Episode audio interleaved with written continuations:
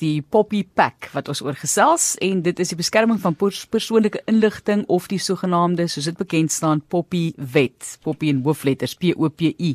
As jy dit wil gaan opsoek, PR De Wet wat saam met ons op die lyn is, hy's die direkteur by VDT Prokureurs en hulle het nou hierdie Poppy Pack of pack ontwikkel en dan gaan hy presies verduidelik wat dit doen en hoe dit ons help. Maar gee net gou vir ons insig eerstens PR, wat is die Poppy Wet en waarom bestaan dit? Hallo Martelies Johan, dankie vir die geleentheid om te gesels op julle program.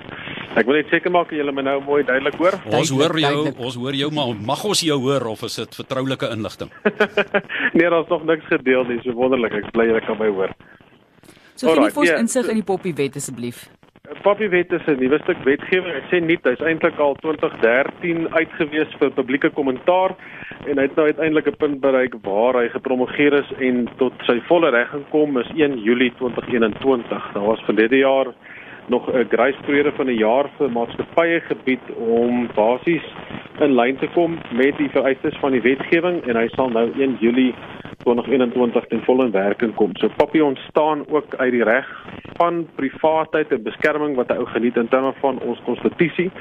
So in terme van artikel 14 van die konstitusie het die uh, reg op privaatheid basies te voorskyn gekom en Poppy is die stuk wetgewing wat dit nou uh, verder in werking gaan neem. Ons is ook in terme van Afrikaanse reg is ons nogal baie beïnvloed deur die GDPR, die sogenaamde Golden of die Global Standards vir data protection regulations wat uit Europa uit ontstaan het en 'n groot deel van ons wetgewing uh, kom uit die beginsels en bepalinge van die GDPR en wat reeds uh, bestaande gesag is sedert 2018.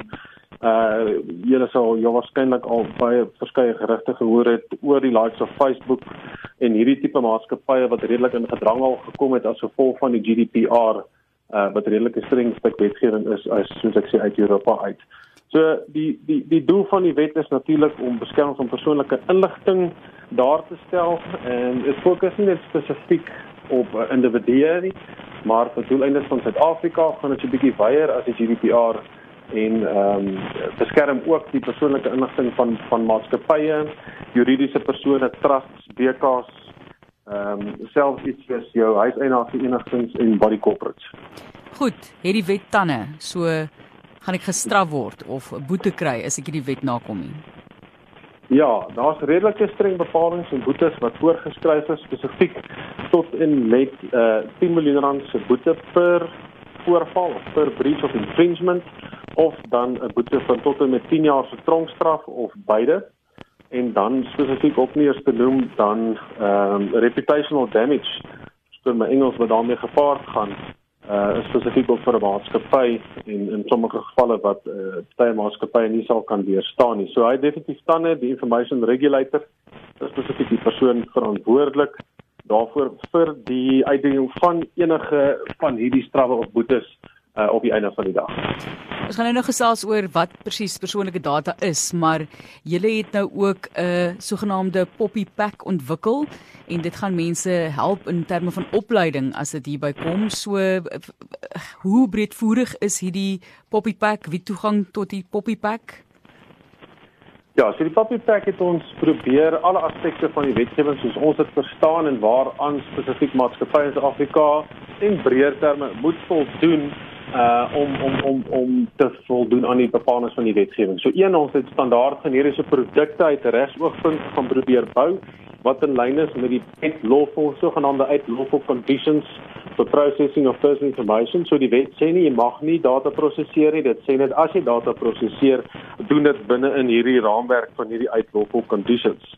Ons aanvaar ook om net een kant te kyk na die regsaspekte van jou besigheid en dokumente in plek te stel is een element daarvan. Die praktiese implementering is waar die groot oefening lê om seker te maak dat jy verstaan die wyse en die manier waarop persoonlike inligting in jou besigheid geprosesseer word op 'n dag-tot-dag wyse en basis en dan jou dokumente, jou ooreenkomste en jou policies, spesifiek jou beleide ooreendien ooreendienstig daardie ehm um, beginsels in jou besigheid dan toe te skryf. So ons het dan met wesenlike maatskappye gaan probeer uh fase en ons het reg gekry om baie spesifiek uit die tegnologie oogpunt uit waar ons 'n hele assessment op jou besigheid kan doen, die stelsels, die stelsels, jou IT landscape, alles wat daarmee gepaard gaan, want data vloei nie net uit die hart van die saak meer op 'n op 'n manual basis of lê hier in 'n laai regs van jou nie, maar dit word deesdae bestuur deur wyse van 'n cloud service provider of deur 'n server wat jy op jou perseel het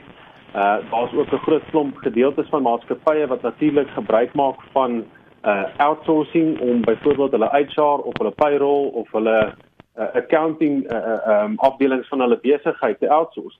So daar's verskillende moving parts waarmee jy ou op 'n daaglikse basis werk en jy moet verstaan waar is daar 'n vloei van data en persoonlike inligting in jou organisasie voordat jy eintlik weet wat is die regte uh, privacy raamwerk wat jy in plek moet stel om spesifiek te kan voldoen aan die wet. So ons ons het dit spesifiek op ons platform dan beskikbaar waar ons kliënte deur hierdie hele holistiese proses kan vat om by punt dan kan kom om 'n sogenaamde bespoke solution vir hulle te kan skep. Dan is daar 'n 'n derde vereiste van die wet is dat daar 'n aanhoudende bewusmaking en 'n kultuur geskep word in jou besigheid en jou organisasie dat persone wat op 'n dag-tot-dag basis handel met persoonlike inligting in jou werkplek ten volle bewus is en deeglik bewus is daarvan wat is die bepalinge en die vereistes van die wet. So ons het 'n training platform ook gaan skep waar ons dan die verskillende uh kort kursusse aanbied wat jy op die eie tyd op die eie leisure kan dan deurgaan en wat dan uh, ook geondersteun is deur uh toetse om seker te maak ou uiteindelik heeltemal begrip oor die inhoud van hierdie kort kursusse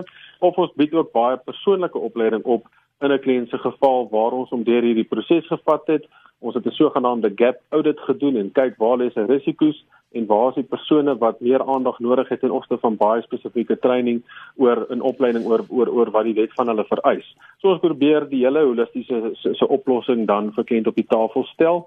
Ehm um, laastens ook as hulle nie uh baie kliënte kom na ons toe het reeds 'n stel dokumentasie wat hulle in plek gesit het. Hulle is net nie seker of dit voldoen aan die wet nie.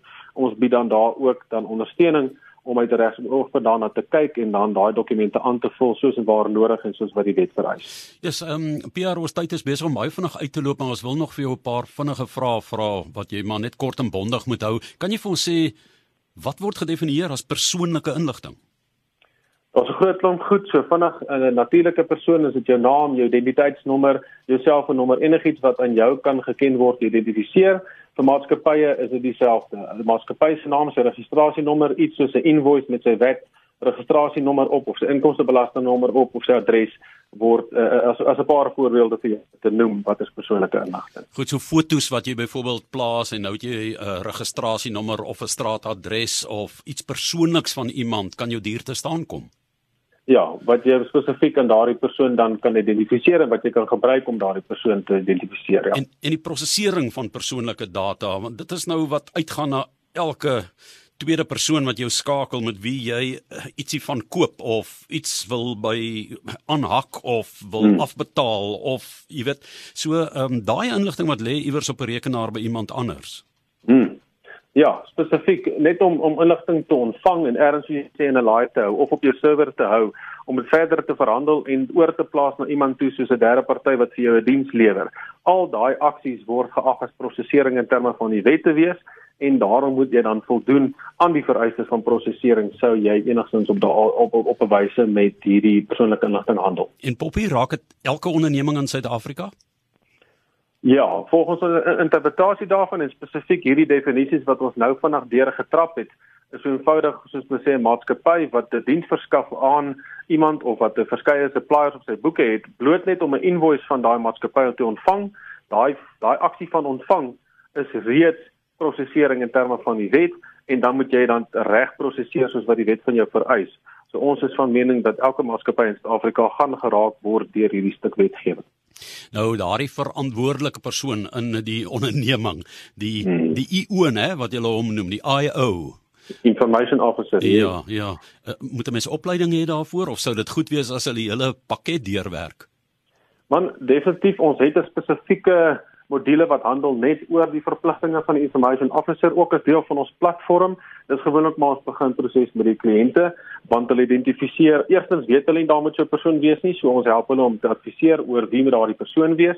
Tweedens weet daardie persoon dan ook nie wat sy rol en verpligtinge is nie en ons vat hom dan daardeur wat is dit wat hy alles moet terugvat na die organisasie toe. Die belangrike punt hierso is is dat die wet is so geskryf dat as 'n maatskappy nie daardie persoon identifiseer en delegeer spesifiek in sy werkplek nie, dan val daai verpligting outomaties by die hoof van die organisasie en dit is jou CEO.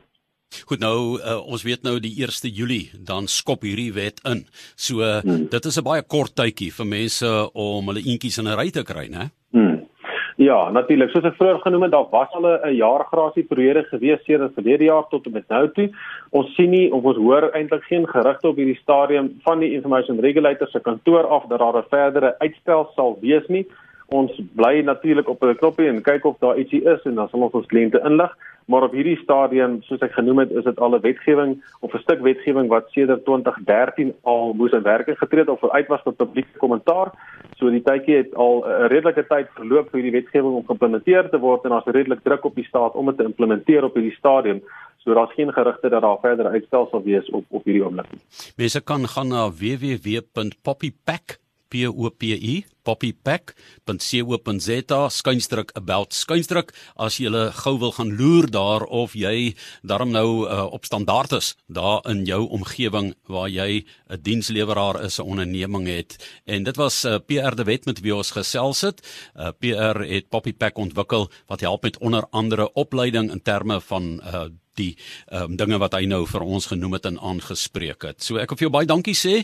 Dit is nou 'n woelige tyd tot die 1 Julie, soos jy sê, daar's nog nie aanduidings dat daar weer 'n uitstel tydperk gaan wees nie. So ehm um, hardwerk aan daai kant en almal wat geluister het sorg dat julle ondernemings hou by hierdie reëls want dit kan jou duur te staan kom. Hulle gaan baie streng wees daaroor. PR De Wet, baie dankie vir die gesels van VDT Prokureurs. Dankie Johan, waardeer. Dankie Martelies.